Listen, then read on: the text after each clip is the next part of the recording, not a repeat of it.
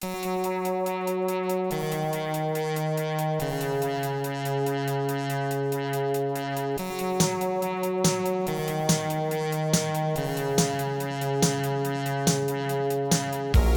to First Draft with me, Sarah Enni. Today I'm talking to DJ MacHale, author of the New York Times best-selling Pendragon and Morpheus Road series. DJ just released Curse of the Boggin, the first book in his new middle grade series, The Library. DJ was also the creator and writer of Are You Afraid of the Dark, a Nickelodeon TV show that ran in the 90s that I was a huge fan of. Huge. DJ was kind enough to invite me to the shared office space where he works in Los Angeles to tell me his almost accidental journey into writing stories for kids and teens. So, brew a fresh pot of coffee, imagine you're looking over a bustling Hollywood movie lot, and enjoy the conversation.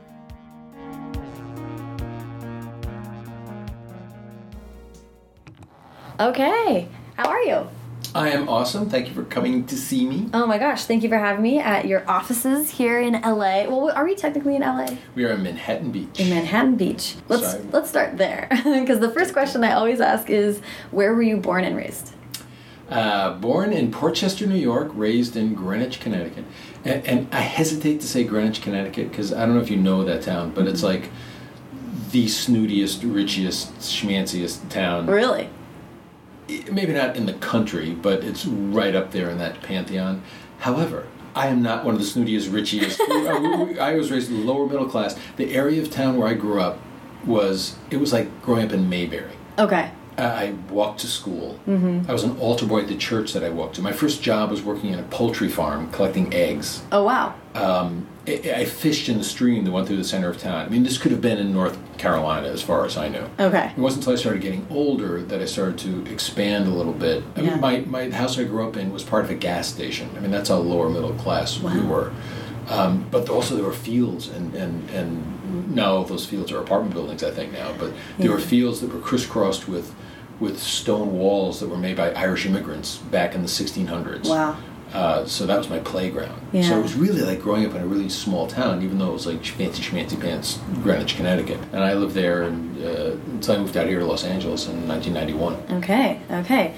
Um, I don't exactly know how to phrase this question, but I want to hear about a lot of your career is about like supernatural, weird, spooky stuff, and I feel like some of that has to come from like like small town wandering, people who grew up near forests, stuff like that, like playing pretend in environments like that. Sort of like, I think it feeds the imagination in some way.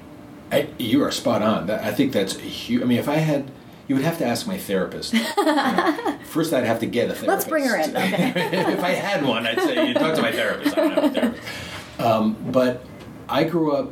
My I have two older sisters, and who are a lot older than uh, like five and eight years older than I am. Wow, so yeah. so I was so I wasn't an only child, but I was I was on my own a lot. I, I had Bridge to Terabithia behind my house. Yeah. It was amazing. Yeah. We also, even though we lived in kind of a crummy house that was right next to a gas station, my grandfather, who was my favorite person of all time, he was born in Italy, and he's like this green thumb type guy. You kind of go through this parking lot, it's like, oh, this kind of cheesy tobacco road kind of thing, and you go through these hedges into a wonderland that my grandfather built of, of flowers and trellises, Wow. and so it's like, oh my god.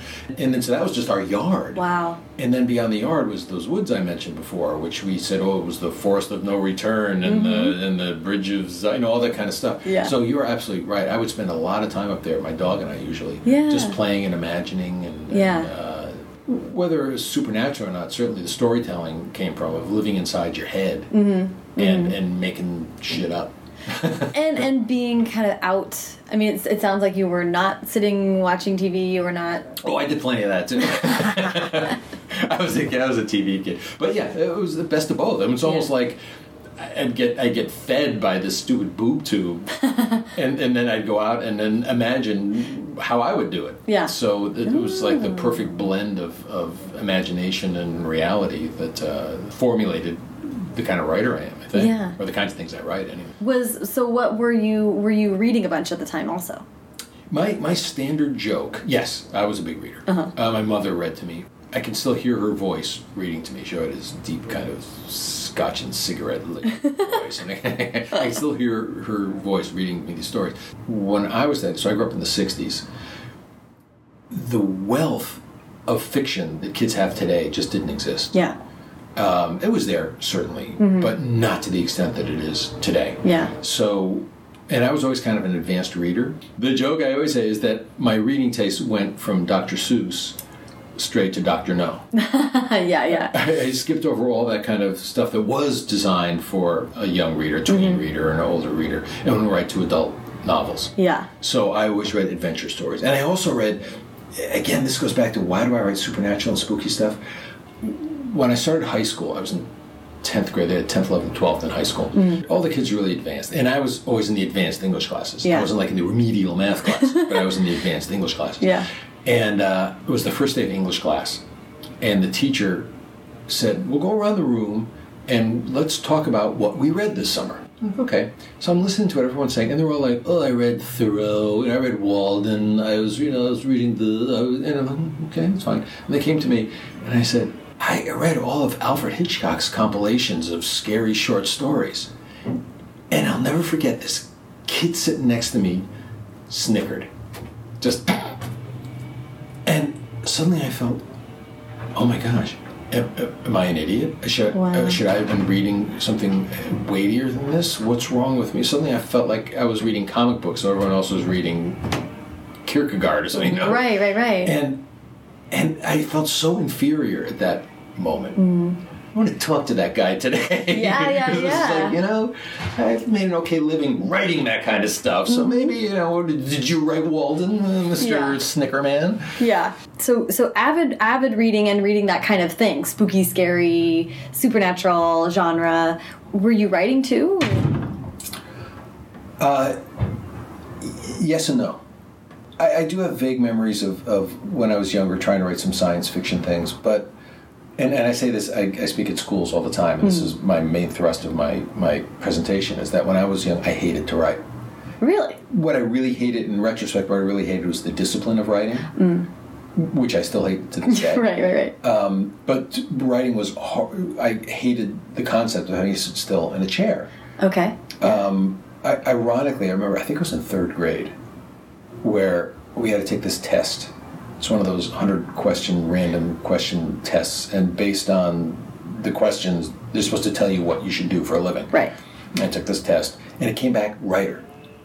And then I snickered. I'm like, what are you crazy? I'm going to be an astronaut. You nuts? I, that's not going to happen. Because I just hated to write. Interesting. But I was always a storyteller mm. w- mostly verbally. So the route that took in terms of writing in high school, junior high, and high school was making videos and films. Yeah. So when a report had to be done, rather than writing that three-page report where you sat down and got things like and all that kind of stuff, my friends and I would get together and we'd make videos about it.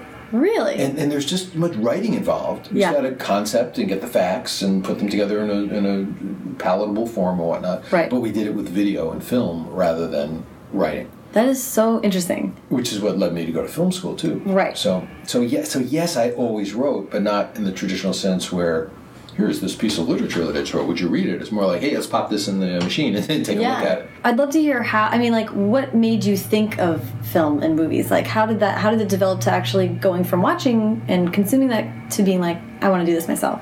Ooh, that's a good question. I, I don't remember making a conscious decision of saying, no, that's what I want to do. I mean, I did a little bit later, but Mm-hmm. ear- earlier on, and this was literally in, like in eighth grade. Mm-hmm. Um, it- I don't know when I finally said, "Oh, this is a route." I, I think it was to get at it writing it, and then the school had gotten this video recorder, and, and I was gonna say because it's harder. It, I mean, this like is pre iPhones. This is pre where it's at your fingertips. Anyone can do this. It's, this is like you had to make an effort to do that. you had to make an effort. And there was our school got some video recorder, and and this one, the media specialist there said, "Hey, we got this thing. Do you want to use it?" I, to this day, I'm not so sure why he came to me to say that. That's kind of cool. Yeah, it really is. I mean, if without this guy, we probably might not be sitting here right now. Yeah. Um, and I immediately said, no, I don't want to use that. But then I kind of put two and two together and said, oh, that might be fun. Mm-hmm. So I don't know if that just sprang from, because as I said before, I was such a consumer of media and television mm-hmm. that I'd say, oh, let me try doing that as well. And we did all sorts of things. We did informational videos and, documentaries and comedies. We made, we made an original 90 minute long Marx Brothers movie. It took Really? nine months to make. It was horrible, but but but it, it was ambitious. If nothing else, it was ambitious. We wrote it, we acted in it, we directed it. It was phenomenal. It almost killed me from wanting to ever make any movie again because here I am, 14 years old. I'm already getting an ulcer from from production hassles. But, and it knocked it out of me for a couple of years. But I think it was more just emulating what I like to consume. Well, and and you're saying we. uh, what's striking to me is that not only is this uh, not writing in traditional sense, but it's almost like because, like you said, it involves a lot of the same skills, or or it involves a lot of writing on its own, but it's also collaborative, It's very collaborative. which Um, is kind of another way around sitting by yourself writing. Exactly. It, it, it, though, ironically, when I write, whether it's a, a teleplay or a book, I need to be. I need to have solitude. I'm not a good collaborator. But when you add in the film element, I'm a great collaborator. I'm the first person to say when I'm directing something that I wrote, I'm the first person to sit down and look at the script. and Goes. Who wrote this crap? This is throw this. What the, you have an idea? Let's let's make this better. Let's do whatever. But when I'm writing, it's it's got to be solitary and it's got to be in my head. And I, I think probably here I'm analyzing myself. Yeah. It probably goes back to being alone in the woods all mm. those times because that's how I operated when I was a little kid. And I think that's just the the rhythm and, and style that I use. I love the um, discussion about story being a storyteller because I've thought a lot about this recently about what's the difference or is there one between a good storyteller and a good writer. And I think people come at it from those kind of two different sides of the spectrum. Because obviously storytelling is natural to you. I would say that for me, I am terrible at telling stories. Like my, I ramble. I don't get to the point. I give too many details. But I'm a great writer. So I think I'm trying to develop the other side of the skill, which is like coming from the total opposite angle as you. And, and I'll, I'll take it a step further, and I think you're right that I don't consider myself a great writer. I really consider myself a, a really good storyteller. Yeah. And what I what I really mean by that, I mean my writing is fine. Right. It's, it's spelled correctly. It's grammatically correct, more or less. Yeah. But no one has ever accused me of writing wonderful prose. it's it just doesn't. Accused you. happen. No one's accused me. it's just not going to happen. It, it's and it's probably one of the reasons that I write for kids a lot too. Is that my I, I write the way I talk. Mm-hmm. And people don't speak unless you're in an Aaron Sorkin story. Right. People, people don't speak that way. Yeah, yeah, yeah. They speak like they're saying. So my first, my Pendragon series was about a, a kid writing journals. It's basically he was talking to his friends, telling what's going on. Mm-hmm. Right. So, right. and that's not great prose. It's not great literature, but it is good storytelling. yeah, So, it doesn't uh, have to be great prose to be engaging and compelling and I, I, I think that's I'm sticking to that theory. I'm hanging on to that theory by the skin of my teeth. I mean, I read things that other people write, even in my genre that I write, and I'm like, wow, that was really well written. Whether or not it's a good story or not is a whole nother right, ballgame. which But- is so interesting. Yeah, but I know characters. I know how to create characters. I know how to get them to talk the way they should talk. I know how to describe things. People often say about my writing that my books that oh, I can see what you've written, and the literary person would say, oh, it's written like a screenplay. Right, Like that's the worst thing in the world. right, yeah, as though Um, that's I'm like, thank you. and, and I think part of that is because I've written so many screenplays. yeah, You have you have to, you can use very few words to paint a picture. right, You've got to get it in a line, Like economical. You you- you- there's an economy of words that you have to use. I mean, it's Mm-hmm. like if you read Hemingway. Hemingway, his dialogue's ridiculous, but but, but it's like, but but at the time it was probably fun. Yeah. But his descriptions are so economical and so visual Yeah. and so perfect. Mm-hmm. Um, that's kind of like screenplay writing. You've got to and you've got to sh- paint that picture in one line, and so that's kind of the way I write. So Mm-hmm. when people read what I write, they're like, "Oh, I can really." See what you're writing. Yeah. You may not get lost in the wonder of the words, but you got it in your head Yeah. what you're seeing. So I, I love that, and I do think, and, and I wanted to ask about that about visual, because my my guess would be based on what on what you do that stories come to you in, visu- in like highly visually articulated. Do you see them right away, or how did you? You know, not necessarily. I operate from high concept and, and high character and find the melding between the two. The visuals kind of come later. Okay, the visuals kind of and then they come very naturally too Mm-hmm. and that's kind of one of the fun things to me is that i'm i have a theme of my story and i have something i'm trying to get across something i'm trying to say whether it's about the character or the situation or whatever the fun part comes in to visualize it Yeah. and that that's the that's the part that is the easiest for me Okay. probably 'cause based on what we're talking about Yeah. where i've got okay i've got two people sitting in a room and what i'm really struggling with is what do i want them to say or not how they're going to say it, but what I want them to say. What's the point of this? What am I trying to get across? Yeah. But I can have a blimp coming in there and, and hitting the building. Right. That's the fun stuff. That, Right. that- that's that's the sizzle that I, I. It's easy for me to come up with.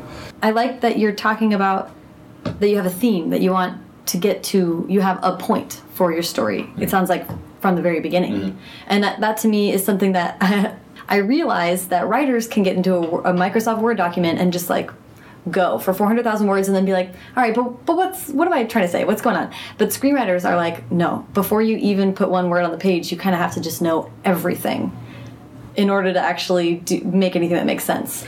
Well, well, you don't you don't know everything. That's the beauty of it. You, but you, you have to know the broad strokes. The stuff that I write is is heavily plotted, mm-hmm. and because it's supernatural fantasy or whatever, I, I'm making up rules, mm-hmm. and I want to be sure that those rules work mm-hmm. before I write those four hundred thousand words. Yeah, yeah. Because the last thing I want to do is spend two months just going freeform and then hit some fatal flaw of logic. So I think a story through. I mean, it's a big debate between writers: is the outline or not outline? Yeah. And the O word is is really a misnomer because it's not really an outline. It's not like one, one A, one A prime. What you know, it's not Yeah. like official outline. Right.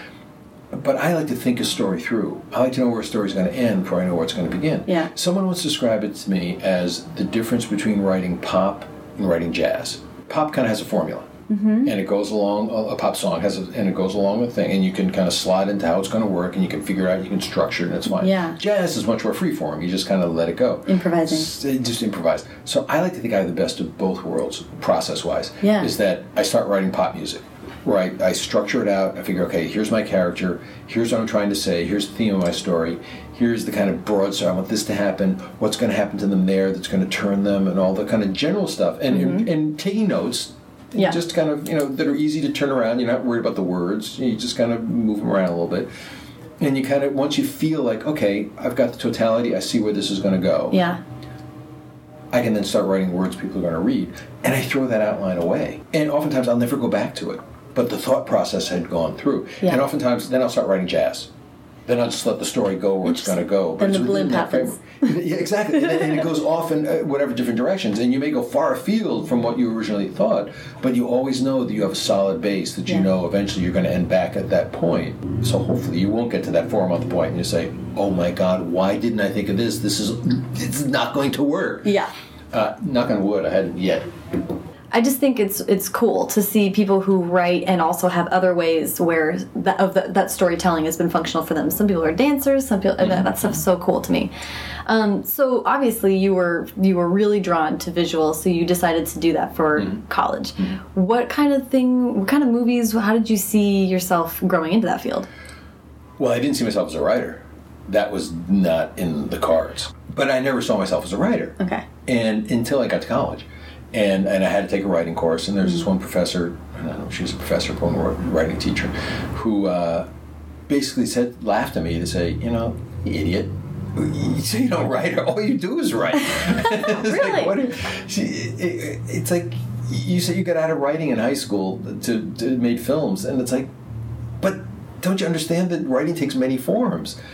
And as much as I wanted to be a director, I don't think I ever had the oomph to, or money, or back then, you know, now you can make a huge movie on your iPhone. Right. Back then, as you said before, it's it's not that So easy. much more effort. Uh, I just didn't have the, the background or the wherewithal or the, the financing to do that kind of thing. So literally, I thought the least expensive way of breaking in is to write. Well, I'm, I'm curious about what, what you think the um, the professor or the writing teacher meant. Did she just mean that you were telling stories all the time? However, you, or were, was she talking about that you had like reams of? Um, no, it wasn't that she was looking at reams of stuff. She was well looking at the body of my work and looking Right. at some of the films I had made and, and the film I was about to make and read the screenplay. And she's like, DJ, you, you know, this is writing. What are you talking about? And there was another factor too, actually, and this is more about me, that we did this writing exercise in this class, and I've since I run writing workshops. I'm like, I do this this exercise with Oh, kids cool. where you just write four lines of dialogue, or, or no, so, some you're given four lines of dialogue Okay. between two characters, characters A and B, and your job for the next 15 minutes is to keep going and just keep writing it with with without. And there are two rules: don't stop and don't think. Just let it flow. Let your inner whatever just come out onto the page. And I did this, and I ended up with 80 page or whatever. a pa- And I thought it really was a. As much as it was a stupid writing exercise people do all the time, it was the first time I looked at these reams of paper and said, oh, maybe I can do this. And it was just that writing exercise that did it. Yeah. It's like, all this came out of my head. Maybe I should try this. So, and that was in that same class. So That's those, cool. couple of things kind of helped me say, okay, well, I'll, I'll give this a shot. That's cool. And and when you were kind of this at the beginning stages of of looking at this career, were you already really looking at stories for kids still? Not at all. Absolutely not. Really? Uh, It was, and this is something I talk about when I speak at schools, is that the bad news about picking a creative course for your life or deciding to do something that is creative is that you can't necessarily choose what that is. Like for me, I would love to be a fine artist. I would love to be able to paint. I, I can barely draw breath. You know, it's, it's not going to happen. so you have to find out what is in here and what's what's supposed to come out before you can let it come out Yeah. for anything good. And so when I first started, I started writing plays. When I first started, when I got out of college, mm-hmm. I started writing screenplays and play adult, adult, dramatic, important stories, and they were horrible. Exactly. They were just, just terrible. They, no one, no one cared about. It. I never thought about writing for kids. And there was a friend of mine who worked for a company in New York. And in fact, I think one of the reasons I got into kids production, I was still living in Connecticut at the time, Okay. is that kids television was one of the things still is, as far as I know, that really kind of was generated out of New York, mm-hmm. where where all kind of primetime adult stuff was Los Angeles. Kids was still based in New York. Okay. Uh, so there were opportunities there. And she was working for a company, and she said they're looking for for teleplays. They had a series. It wasn't after school specials. They were called young people specials. They were half hour things. It was on NBC. And she said they're looking for ideas. Why don't you give it a shot? So I'm like, oh, okay. So I wrote this thing, and it got produced. And I was like, whoa, it was terrible. Oh my god. But but but it was my first professional. No, oh, oh, oh, oh actually, let me take a step back from that. Sure. My waiter's job when I first got out of school, I was fortunate in that I was actually as a filmmaker. Um, I worked making industrial films, oh. commercials, public service announcements, Oh, yeah, yeah, news films, video news releases, corporate videos. I worked for every major corporation there was, creating these informational films. Some of them were dramas, edu- uh, uh, training films. Uh, you, I made a video that went to every employee of GE, explaining to them why their health and pension package was going to be reduced. But it was a good thing. Oh my gosh. I was for So you were doing sci-fi way back. Yes, exactly. It was total Fantasy. but what it did for me is that it, I, it taught me how to take a volume, a volume of really dry information, Boring. and and put it into a fashion that's not only concise and, and short, but interesting and Yeah. somewhat compelling. It also allowed me. I traveled all over the country shooting these things. Yeah. So, I mean, a writer is nothing but what, what they experience. And so I filled up my writer's hard drive of information of places, of characters, of people, Yeah. of, of situations all over this country that I've since called upon in my writing. You know, I've been, every, you know, that Johnny Cash song, I've been everywhere, man. I've been everywhere. I, it's, and, and, and I'm all, I think I'm all the better writer for it. Mm-hmm. What so, were you? How long was that? six years, six, seven years Wow. Yeah. all the while writing screenplays, trying Yeah. to get them sold, and, and failing. And then I had that first breakthrough where I got to do the kids thing, and still I was making my main living doing these industrial films. Yeah. you know, it was the it's the bottom rung of the film. level. Believe me, it was it was not glamorous at all, uh, nor well paid. But then. Little by little, I got a reputation for writing these things. Then I started writing ABC after school specials, and that led to writing a TV series, and that led to creating my own TV series. So, uh, So so all that while you were trying to break in was the adult, the serious, dramatic. So seven years of kind of banging your head against the wall with that stuff. Oh, I, I wanted to give up so many times. It was just so so frustrating. Yeah. Just just it was so much despair that it's like I, I really can't do this. I'm not good at this. this is the plan I had, and it's a really bad plan because Mm-hmm. I'm just not good enough. So you experienced your 20s. Yeah, so uh, basically, yeah, that's pretty much it. That's exactly what happened. Uh, until I found the right thing. I, Yeah. I don't want to say I found my voice. I found things I should be saying. And- Interesting. Wait, and- I want to hear more about that. well, meaning the kids, writing for kids. Yeah. And But most people would say voice. And you're. well, I think I always had that voice. Yeah. I just didn't know how to channel it. Right. I think probably one of the problems with my adult things is that I was writing it in a voice that appeals to kids, so which is probably one of the reasons why it, they were really bad. and, and I should say, when I write, I don't say I'm going to write this for kids. I just write what I write. Yeah. It just happens to appeal to kids. Well, well, I, I'm, I'm just, I'm actually like interested in that specific phrase of what you should be saying, because I think that's interesting. I mean, you, you I just, I really am responding to you're talking about having something to say mm-hmm. as like the, the a very fundamental beginning part of your story, and then realizing that maybe what you have to say is important to tell kids. I mean, is that what you were? I guess. I guess. I mean, it's also a lot of what comes naturally too. I mm-hmm. mean, it, it was maybe it's not as calculated as that.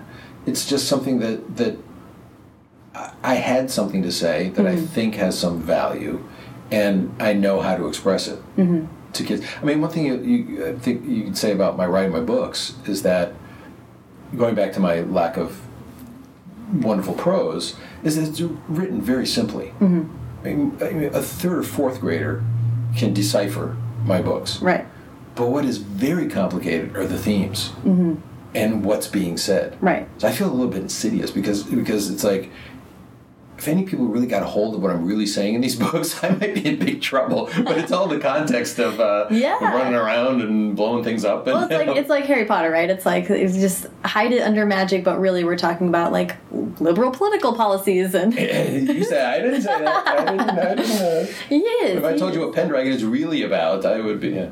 Um, but but yeah, and I- and I think it just came naturally. I mean, you can't. One of the things I say to kids all the time is that, and I'll say this to anyone, frankly, is that. But kids in particular, they say, "Should I go to college and study writing?" right. And I say, "No, no, you should not. You- take a writing course, mm-hmm. join a writers group. Anything that will help you to write is a good thing. But but you don't need to go to college to study writing. Mm-hmm. You need to go to college to study everything else, and then write about it." Yeah. because anybody can learn how to write. It takes practice. It takes as long as you have the discipline. It takes Yeah. practice. It takes diligence. It takes a lot of failure. It takes a lot of writing. But it, it's almost it's like being a, a carpenter. You could be a carpenter with an incredible set of gleaming tools at your disposal and not have anything to build. Yeah, it's the other half of the equation is to have something to write about. Yeah. and you only do that through life experience, through seeing things, so having something to say. Yeah. and and so I, I do. It just happens that I say it in a very simplistic way, which appeals to kids. I write adult light. Yeah, they, I like that. I like that. Um, the first few kids' jobs were were those adventure story type of things, or were they were kind of more The first one I wrote was called The Great American Music Video. Okay. A group of kids that got together to make a music. Actually, no. The, the one that actually kind of got me notice, and people said, "Ooh, this guy can write," was very much a heartfelt story. It was an ABC after spe- after school special. This one, I had this concept, and it, it talked about writing what you know and what you've mm-hmm. experienced in my town in Greenwich, mm-hmm. Connecticut. And this is, I think, it happened in a lot of towns. Frankly, um, there was a controversy over there was a firehouse that traditionally had a nativity scene in the front at oh, Christmas uh-huh. time. And there were protests saying, well, wait a minute, it's just separation of church and state. You can't, this is a, a religious thing. You can't do that. Um, so I thought, ooh, that's an interesting dilemma, and I don't know the answer to it. And a lot of times I'll write stuff that I don't know the answer, but I want to show both sides. Yeah. So I wrote this story called Seasonal Differences. The central character was a couple, high school couple, Jewish girl and a Christian guy, and it took place from Thanksgiving to Christmas. And it starts on Thanksgiving, where now they are like THE couple, they're they're lovey and everybody loves them, and they're oh, they're so perfect and whatnot. Yeah. Until they walk by this firehouse where there is a protest going on, and the boy's attitude is, "What's the big deal? It's Christmas," and she's like, "Oh yeah, but." Uh, it's a public property, and they're they're promoting a religious thing, and so that broke them up the the personal conflict that came from the larger thematic conflict, and it's Yeah. very much a heartfelt thing. It starred uh, Uta Hagen was in it, the famous Uta Hagen from the Actors Studio. She played a, a Holocaust survivor who was the grandmother of the kid. I think she got an Emmy nomination for it too. damn? Um, so that that kind of put me on the map, and this was not a an action adventure Yeah, supernatural. yeah. This was really a heartfelt story. that very heartfelt, very touching, very well intentioned after school special put me on the radar of this guy who was producing a TV series and was looking for a writer. And he called me in and said, Would you consider writing the pilot for this thing? And given what the pilot was, I'm thinking, how did you connect the dots between between seasonal differences and Encyclopedia Brown, Boy Detective? I'm like, what? what huh? it's like, nah, okay, he was right, as it turns out, because we did, and we made a great series out of it. But, Yeah. But that that put me more into a genre kind of fun tween kind of thing. And, Yeah. And it was off to the races from there. So- Well, I was gonna say, and Encyclopedia Brown is then where is this patch of your career where I'm like, ah, like that was that was exactly my TV wheelhouse in basically forming have you seen that show? Yeah. Do you remember seeing that show? You're the one. Ghostwriter.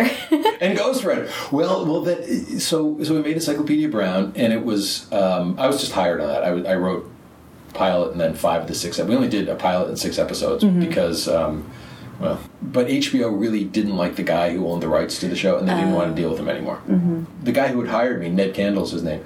He had a bad experience making the show too, but but we had a really good experience. So he said, you know, why don't we just make our own show? Let's do this. So we uh, we created two shows. Uh, we created Are You Afraid of the Dark and the show called Chris Cross, which which is the third go with Gary Cohen, which was on Showtime.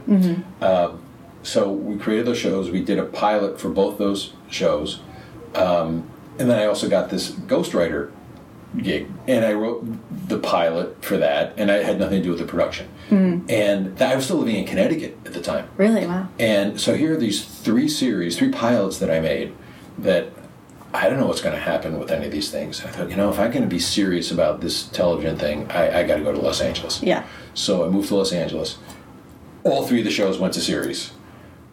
I, I didn't do Ghostwriter because I didn't create that show and I wouldn't have had time. So they wanted me to, to come back and be the head writer on that, but I just I didn't have the time to do it. I wanted to work on the shows that I had created. Mm-hmm. Are You Afraid of the Dark was shot in Montreal. Chris Cross was shot in Nottingham, England. Oh wow. Really? So Wow. so I came. I got a lot of frequent flyer miles. It's if I had just stayed in Connecticut, I would have had a much easier life. but I had moved no, three thousand miles away, and then I had to come all the way and then back going to to do those shows. Montreal. Then go to Montreal. The whole thing was filmed in Montreal. Yeah, Wow. yeah, that was. Uh, Okay, and here's where I'm going to ask you a bunch of questions about Are You Afraid of the Dark because I was obsessed with that show. I think I told you this before, but I made my brother watch it even though he was too young and lost a lot of sleep because of it. But I was like, I don't care, Seth. Deal with it. it was like, you just wanted company. yeah, yeah, exactly. You can't leave, and we are watching it. Um, and I think he's still scarred from it. But um, so, what made you want to scare kids? I, again, it's what came out. It- it- I, I can tell you the, the, the gestation of Are You Afraid of the Dark, too. Yeah. Um, my partner, Ned, he- his background, he was doing a lot of sports videos and things like that. Okay. And he had just come off of doing this project, I think it was called Greatest Sports Legends. And Okay. he was doing it for, of all things, a tobacco company. So he said, based on that, he said, let's come up with another thing that can be not with cigarettes, but can be sold. We do kid. Let's do a kid thing. So we came up with this idea, which was we didn't call it this, but essentially it was bedtime stories for lazy parents. and, Yes. and the idea was we would get some guy, some old time actor who was out of work but everyone recognized, mm-hmm. and we'd sit him in a big easy chair and he'd sit there in front of a fireplace and it was all cozy, comfy, and he'd have a big book that said fairy tales on it. Mm-hmm. And he would read the fairy tales and we'd make a video out of this thing mm-hmm. and we'd package it somehow and whether couldn't be sold on alcohol or tobacco but but the idea is the parents would get these things and on those nights that you really feel like reading to their kid they pop in the videotape and some old time actor would be telling them stuff, which we thought was a great idea until we came, well, what kind of stories are we going to tell? And it's like, obviously, it had to be public domain things. Right. And no one cared about original fairy tales, and we're not going to write those anyway. Right. So it's like, oh, that, that gets down to Three Little Pigs and, and, Yeah. Little Red Riding Hood. You know, really, it was like, ooh, it just didn't make sense. So Ned literally asked me this question. He said, well, what kind of stories did you like when you were a kid? "Well, I like scary stories. So I was like, hmm, okay. So suddenly fairy tales became scary tales. Hmm. But then suddenly having this guy with a book saying scary tales was creepy. yeah. You know, yeah. we don't want the, the story, we don't want the, the crypt keeper to be telling these things. Right. So it's like, well, okay, we want the storytellers to be benign. Who tells scary stories? Like, well, it's kids sitting around a campfire. Let's do it like campfire tales. Ooh, that's pretty good. So suddenly we had kids around a campfire. And then we thought, well, why are we stopping there? Why don't we actually see the story play out and just mm-hmm. have them tell the story? So suddenly it kept getting bigger and bigger, and that's when we realized this actually is a TV show. It's not mm-hmm. a it's not a direct to video cheapy thing that we can do. Right. And that's how it became a TV show. It's Wow. went to Nickelodeon, and that's where it created. So it, so it came from me liking scary stories when I was a kid and going to horror movies when I was a kid.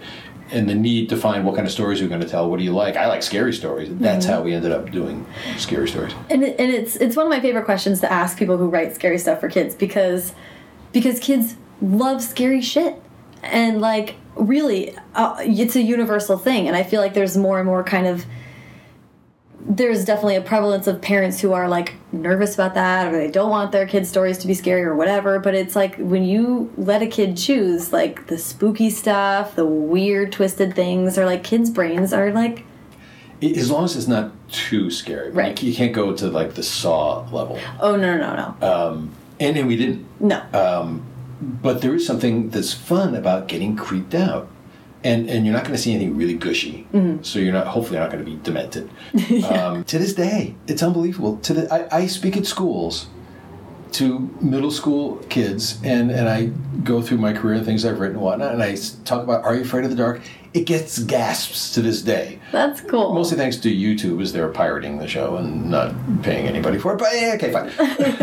but they all, and now it's back on Teen Nick because they do this thing called Splat, and so it's like, I, I never thought 25 years ago, I never thought we'd be sitting here Right. talking about Are You Afraid of the Dark? I'm- I'm, grateful, it's great, but I talk about it more today than I did when I was making it. which is crazy and and and cool. I think it's neat. Um, Well, one of the things that's good, besides the, the scares, the scares are the, the, the stuff you remember. But the thing, and that's what I'm kind of proud of with Are You Afraid of the Dark, is that we weren't there to be kitschy and make you laugh. right. It wasn't goosebumpy kind of silliness. It was these were dramas, Mm-hmm. and at the heart of every story, and, th- and this translates to my writing my books now. every year, I would I, we'd never writing staff. I was the writing staff, Mm. but I I I'd buy scripts and I'd hire writers to Mm-hmm. write particular episodes based on the episode, the stories they would pitch me. So every year, inevitably, what happened? I'd say, okay, we're looking for new scripts, and so writers come in and pitch me ideas. And a, a typical, I'll, I'll make this up, but it's typical. Uh, I'd say, okay, what's your story idea? And he says, oh, I have a story about a haunted microphone. Right. I'm like, oh, that's kind of cool. Who are the kids? And they're like, I don't know, a couple kids. Anyway, the Oh. microphone, whenever you spoke into it, it would change your voice. You actually sounded like a dead. Like, well, that sounds kind of cool. Who are the kids? And I'm like, who cares? Like, no, no, I want a story about a couple of kids who we care about, Mm-hmm. who are going to be interested in, even if they never find a haunted microphone. Mm-hmm. So then, when they do find the haunted microphone, then we're really with them. Yeah. So I yeah. like to say that, that we, our stories were about people batter, ba- kids battling their own demons as well as demons that sprang from a crypt. yeah. And I think that's what resonates. And that's the thing about scary stories too is that it's not just about constantly being bombarded with scary stuff. There's always a mystery involved. Mm-hmm. Yeah. Whatever the supernatural thing is happening, it's happening for a reason. Right. And so you get to play along with it. And there are clues and say, why is that boogeyman doing what that boogeyman is doing? Right. So so that that's the kind of base of it. Even though the scares are what you remember or Mm-hmm. stick with you, it's you're in it. You're involved in it because you want to know what's going to go on. What what is the solution to this dilemma these Right. kids are going through? And I and we care about who is getting scared. and we care about who is getting scared. Yeah. Um, and, and that applies to all scary movies too. I mean, it's Jack Torrance in the Overlook Hotel. It's like he's got to deal with his son where he's where he's not a good dad. He's a good dad, but he's got demons that he's battling. Yeah. And, and that that's as compelling as it is about whatever the ghosts may or may not be haunting the Overlook Hotel in Right. The Shining. Right. So so that's where I think a lot of scary stuff really resonates with people too. Yeah, Besides yeah. just the, which is why I'm also not- I shouldn't say all because I'm not a horror fan.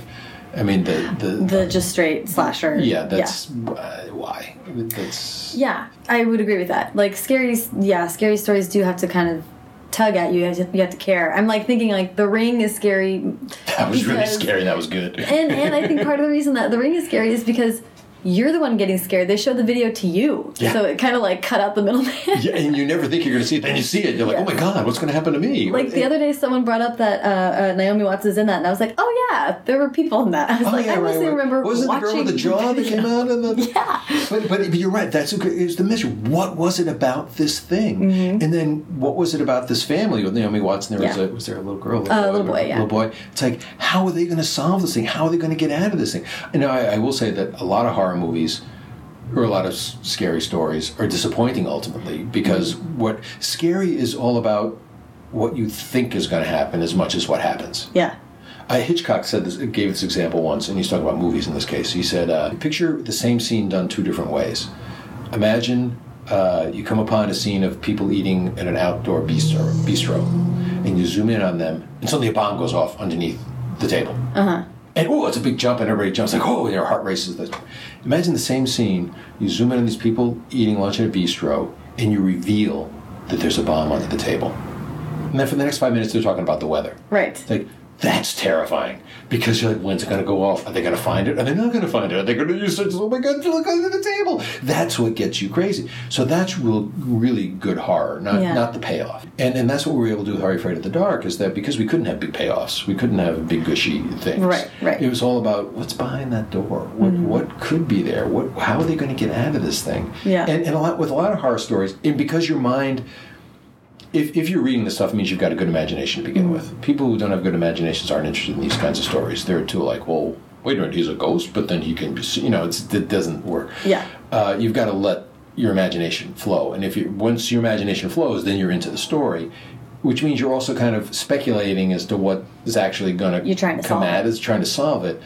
And I found, at least with myself, oftentimes the resolution isn't anywhere near as satisfying as the build-up Yeah. to what happened before. Yeah. And, and not that I even had a better solution, but it's just like, oh, really? That's what it's all about. It's, It's the journey. It's the whole. it's the journey. Mm-hmm. Yeah. So so okay, there's a couple different ways that I want to go from from Are You Afraid of the Dark. One one half is how you then decided to sort of go towards books. What got me into writing books was I saw the writing on the wall, which was the kids programmers weren't making the kinds of shows I make anymore. Interesting. I, uh, along with a fellow by the name of Alec Griffith, he and I created a show that was going to take the place of Are You Afraid of the Dark? It was called The Strange Legacy of Cameron Cruz for uh, Nickelodeon. Uh, obviously, take place of Are You Afraid of the Dark. Starred Jesse McCartney. You probably know who he is. He was an actor. The He's like singer a- guy? Yeah. yeah. He was he was Cameron Cruz. Oh.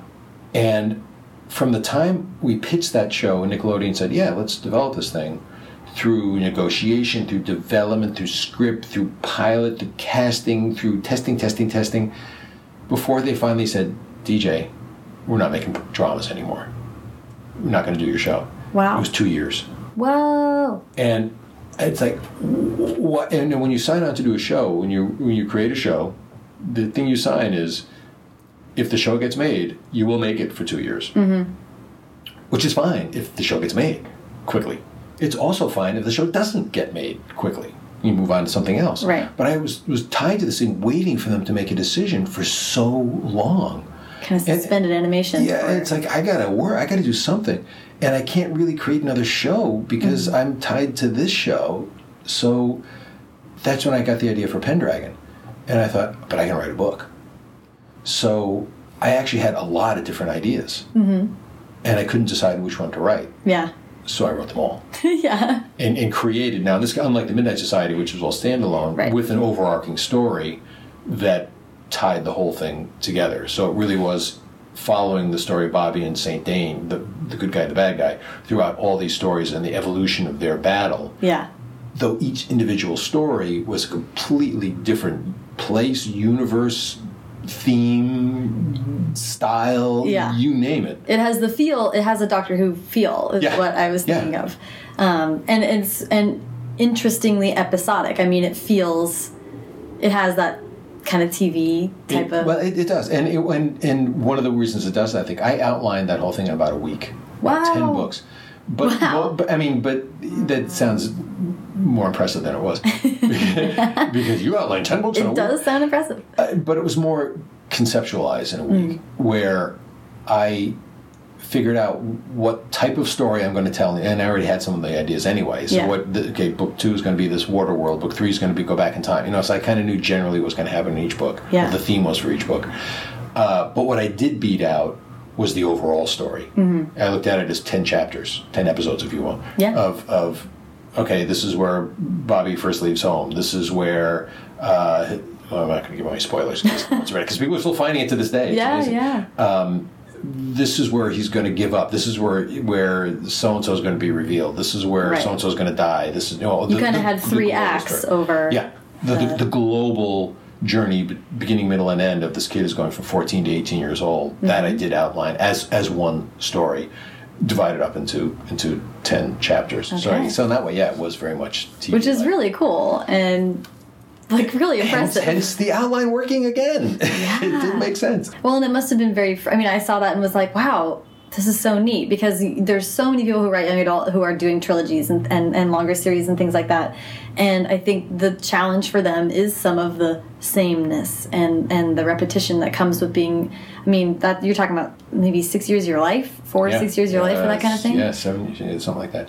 Well, that's true. That is a challenge because uh, not only because of what you want to people to read, but also for yourself too. You don't want to keep writing the same thing over and over again. Mm-hmm. Yeah. So there's a balance between giving them what they want and expect versus not giving them too much of what they want and expect. Yeah. Because you can't go so totally far afield that it's just like, what? This is crazy. What are you Yeah. Mm-hmm. talking about? They still want some of those touchstones that, that are comfortable, and it's like, oh, that's the story, Mm-hmm. without relying on them too much that you feel like you're writing the same story over and over again. So sometimes, Yeah. sometimes I find myself doing things differently just for difference sake. Mm-hmm. There may have even been a better idea that I came up with, but it was too much like something I'd come up with before. Mm-hmm. So it's like, no, I don't want to keep repeating myself. Yeah. Remember my, my mother, the third book, third Pendragon book is called The Never War. It was different where the, the first book is like a medieval, big tribal battles going on. The second book was this complete water world, which is in the early books it was everyone's favorite book because it was just such an amazing, huge water world, floating cities and underwater and submarines and all this kind of stuff. Suddenly we go back to 1937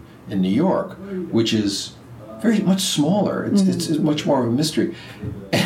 My mother read it. She goes, "There wasn't enough action in this book."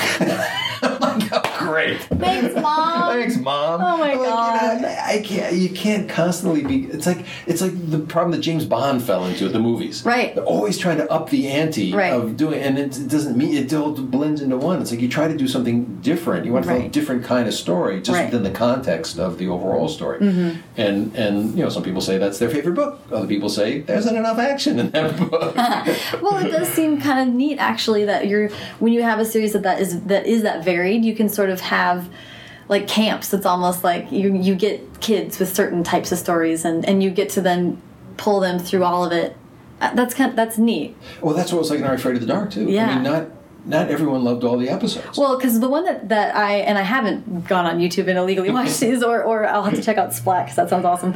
But um, but the one that I think I remember most vividly is like a dollhouse. Like then they were in the dollhouse, all that kind of thing. I mean, that was my I jam. get that that all the time. Yeah. Talking about that episode. It's so insular. I mean, like there's not much to that really. No, it's, it's, it's an attic with a dollhouse that, that a girl disappears and Is she actually creepy go into the and it's really creepy when she takes her hand off because it's a porcelain hand. yeah. uh, it, it, and, and it's a very small story. It's a very slow story. But here you are, 20 years later, you Mm-hmm. I see it still. Yeah. Now, other people will say, "Ah, that was a boring. I, that, was, that was a girl in a dollhouse." I, uh, there, there's one episode we did. I've been talking to a lot of guys about this. I've been doing a. These guys do a podcast about Are You Afraid of the Dark, and I just Really? did a podcast for them. and then this book they're talking about. So I'm talking more about this dang show. There's one episode we did that was too big for us. It was we bit off more than we could chew, and some of it worked, some of it didn't. But a lot of it looked kind of cheesy because we just couldn't pull it off. Right. It was about a guy that gets trapped in this pinball machine or this video game. It's like a pinball machine. The pinball was, and it, we shot in a mall, and the mall is made to look like different levels of a pinball. It was just, it's a really cool concept that we had no ability to pull off with any. It's like coming back to me. The last image of the tale before you go back to the Midnight Society, this kid thinks he's beaten the game. He's ready to go again. But then there's a shot of the guy who owns the pinball machine, and he's looking over this game. And he realizes this kid is in the game. It's one of the stories that had a bad ending. And he's like, Well, you got to play again. He goes to reach down, to like pull the plunger on the pinball machine, and the kid looks up because he's in a mall, and this mall is the pinball game. He looks up to this escalator. And at the top of this escalator, this giant silver pinball comes over the top as if the game's going to play Oh again. Oh my god. And there was a guy who, who worked for Nickelodeon at the time, not a nice guy. Uh. I saw him at this party after the end of the season, and he he wasn't a nice guy to begin with, but he didn't say, "Oh, DJ, congratulations, good season, nice show, Yeah. way to go." Yeah. I like his. All he looked at me, he rolled his eyes, and he said, "A giant pinball, really?" Rude. I like. What's wrong with a giant pinball? And- Come on. But case in point, that giant pinball, he thought that was the most ridiculous thing in the world. 25 years later, I'm talking to these guys who are saying, when that pinball came out, it was the coolest thing. so it's like, you, which, and I'll say this to writers who are reading, who are hearing this everywhere, you, you can't write what you think people are going to like. Yeah. You have to write what you like. Yeah. Yeah. Because some people are going to like it, some people aren't going to like it. You just have to write what's true, and then hopefully enough people will like it that you can do it again. That's so true. That's so neat. And actually, that that's even as a, an unpublished author, I've had friends read, you know, several friends read the same manuscript, and every single one of them will come back and be like, "This was the best part of it," and it's like different for every person. different for every person. Wow. It's one of the art. It's one of the arts of. I mean, there's an art to note giving. There's also an art to note taking. Mm-hmm. Because it's so easy to say, "Oh, really? That part's bad. Okay, then you change that part." Right. Oh, oh, you didn't like. You like that part. That's really good. And then someone else says that part's bad. Okay, now it's bad. And you change. Right. It's so easy to do that. You have to kind of get a, a, a consensus. Mm-hmm. And if you start hearing things over and over again, then you can start to realize, okay, there's some validity to it. Right. But you can't automatically assume what everyone says is true. It may, Right. it may be true for them, Right. but it may not be true for your story.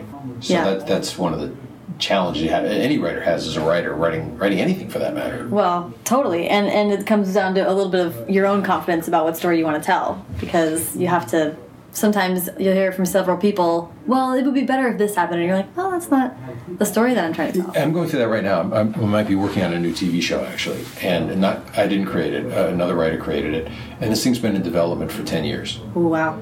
And one of the problems, it's a really good concept. I, I don't say what it is because I don't know where it's going to go. But but one of the problems is it's a really really good concept, and there are too many cooks in the kitchen giving advice, mm-hmm. and this writer didn't have the confidence in the show enough to say no. This is what it's got to be. Yeah. And so it, it ended up, and so when, by the time it got to me to read, it's just like this is all over the place. It's a great concept, but it's all over the place. So it's kind of my task to to find that vision Narrow and make sure it gets narrowed because this is really what it should be. Good, bad, or indifferent. It's got to be one thing, Mm-hmm. or it's nothing. It sounds like Pendragon was like there wasn't someone knocking being like, "Hey, hey, have you thought about books? Thought about books?" Was that happening at all? No, not at all. Um, the, that was kind of funny. That uh, writers always say, you know, how did you get your first book published? How did Right. that work? And I said, I can tell you exactly how to do it. You follow this, this these easy steps. You too can get your book published. Uh First, create a hit TV show. oh. Got it. Got it. That's step one. It's it's step one. It's easy. then make sure that there's a spin-off book series that's written about that show. Mm-hmm. To step two, and then make sure you work with the editor of said book series.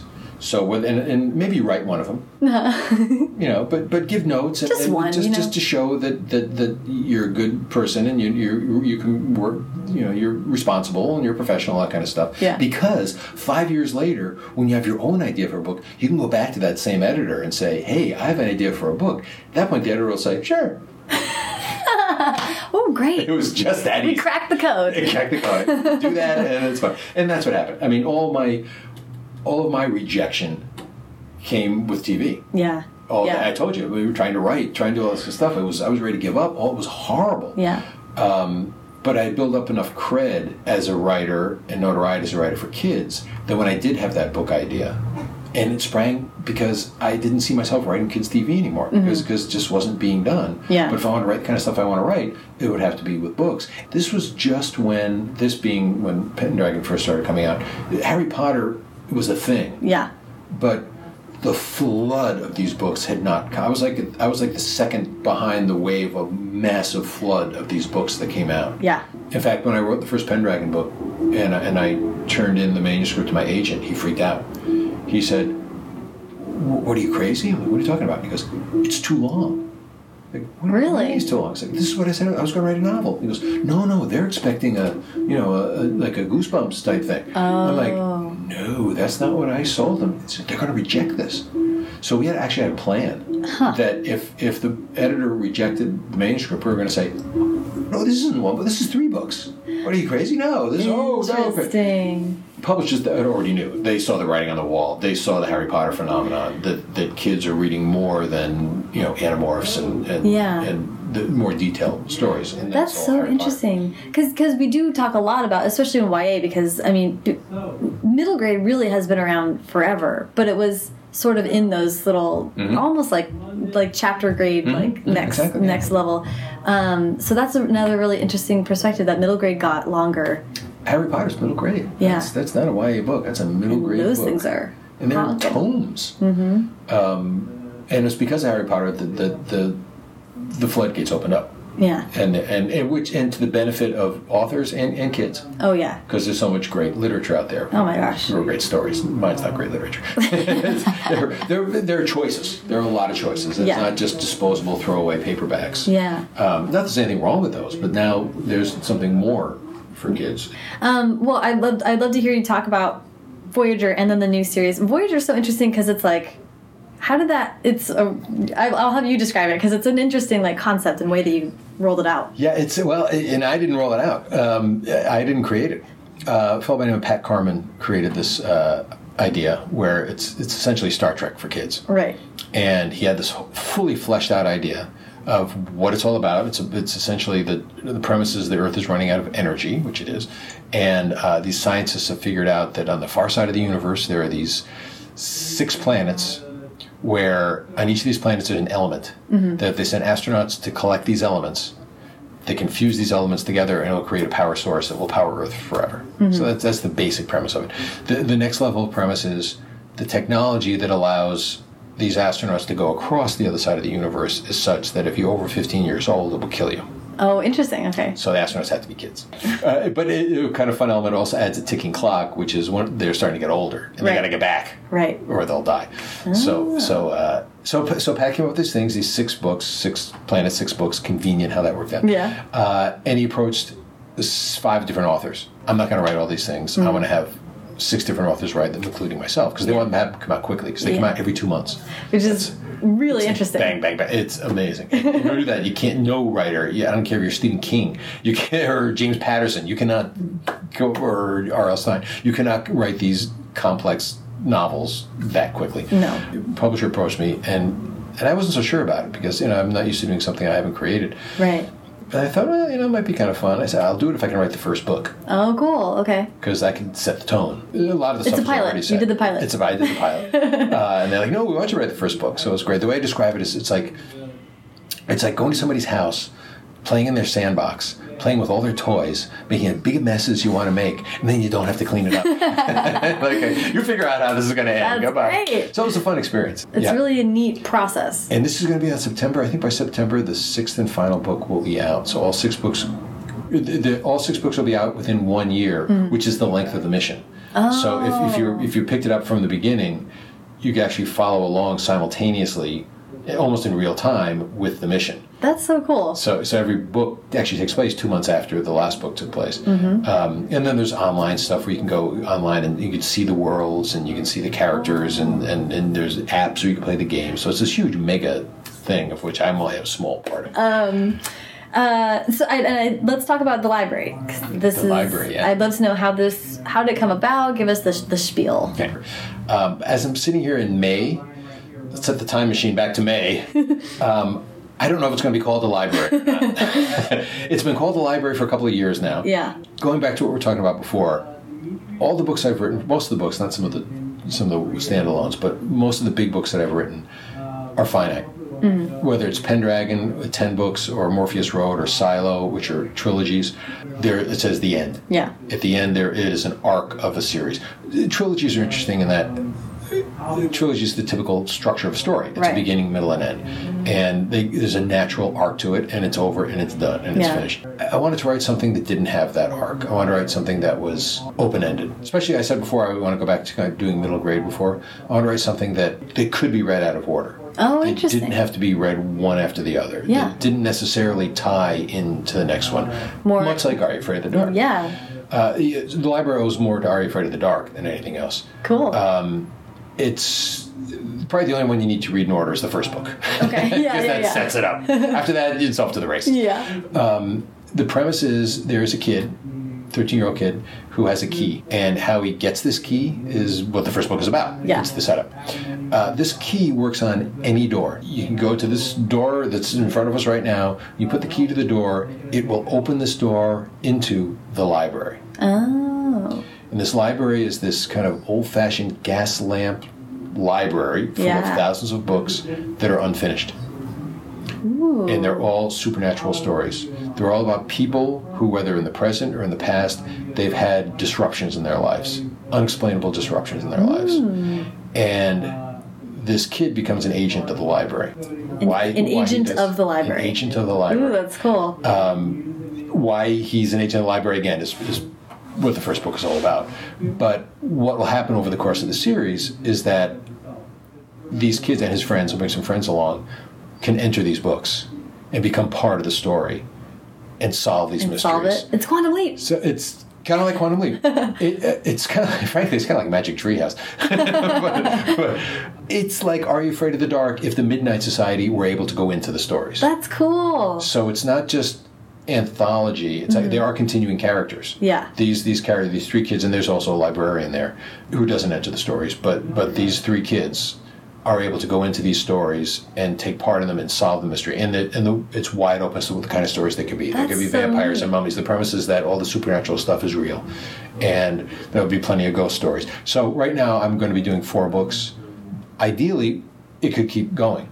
Um, I would love, in success, hopefully knock on wood, hopefully people will go out and buy library books.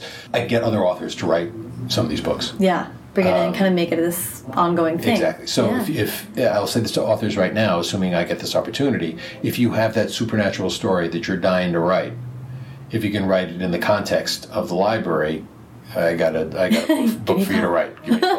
We'll, we'll do it. Hopefully, it'll come to that. And we won't know that for a while because the first book is publishing in September, September 2016, and they'll be coming out like every nine months or something like that. Well, it reminds me of, I mean, when I was a kid, the, I mean, and the Voyagers touching on this, and, and, and you mentioned R.L. Stine and, and Goosebumps and all that stuff. I mean, I was obsessed with that stuff when I was a kid. If I got into something, I wanted 90 versions of it, you know, like the Babysitter's Club. And to see a whole shelf of that thing, it was just like nothing but exciting. Well, hopefully, hopefully the library will be the best of both worlds, where you do get again every story is going to be completely different, and completely different mm-hmm. with a cast of characters that are completely different. Mm-hmm. Because when they enter these stories, they have to meet these new characters. They have to learn. They have to find out what's. They have to figure out whose story it is. Right. It, that's it's all, all brand new. However, it's also about these kids who are doing it and their mm-hmm. story, and they they have continuing stories. They have they have their own relationships. So mm-hmm. so we'll be able to follow these kids. So it's it's the familiar. Again, it's I people loved You Afraid of the Dark, Side, like the Midnight Society, but they were just in the beginning and the end. Yeah. These kids are intimately involved with these stories, and they're in jeopardy in these stories. Yeah. Things can go wrong. They're in danger in these stories. Yeah. Um, so hopefully it's the best of both worlds, where you can get a variety of, of you want more of the same. Yeah. But then there's enough of the familiar that you're like, ah, but it's really Marcus who's still who's still doing this. Yeah. So hopefully it's uh, uh it'll do well. It, it's it's writing what I love to write, and I love writing ironic, strange Twilight Zone zone type stories. Yeah. Okay. So, um, real quick, I would love to just have you give advice to people who are maybe starting out. What would you tell a young writer? Um, probably the same thing that everybody else says. The obvious ones are you have to read a lot mm-hmm. and you have to write a lot. And- and you only get good writing by doing it. Yeah. Um, then the other thing I said earlier in this talk was that you you have to have something interesting to write about that people Yeah. care about. And the only way you can do that is to experience life, to do things, to meet people, to be observant, to, to get in trouble, to, to get out of trouble, to Mm-hmm. to help people. Do whatever it is, experience life. And that's what you're going to base your stories on. Because even if you're writing supernatural fiction, bigger than life explosions or whatnot, at the heart of your story you have to have something real that readers will relate to Something to say. something something to say, something to relate to, something that that you you're going to read and you're going to care about your characters and you're going to care about their journey, beyond whatever the, the science fiction craziness they get involved in. That's that's the that's the sizzle on the steak. Yeah. You, you need the steak, and, Yeah. and the only way you can have that steak is you have to be able to have something to write about. Um, also, don't worry about getting published, and that's partially what I said before about don't write things what you, of what you think people want. Right. So write a good story. I can't tell you how many times someone will come to me, not just kids, adults too. It's like, I have this really, essentially, I have this really good idea for a book. How do I get a publishing deal? well, first write the book. Yeah. You cannot not write the book. Ah, that's awesome. So there's more advice. Oh my gosh, I'm loaded with advice. See, this is great. this is awesome. Well, thank you so much. This was a total delight. It was my pleasure. Thank you for doing this. Yay, awesome. This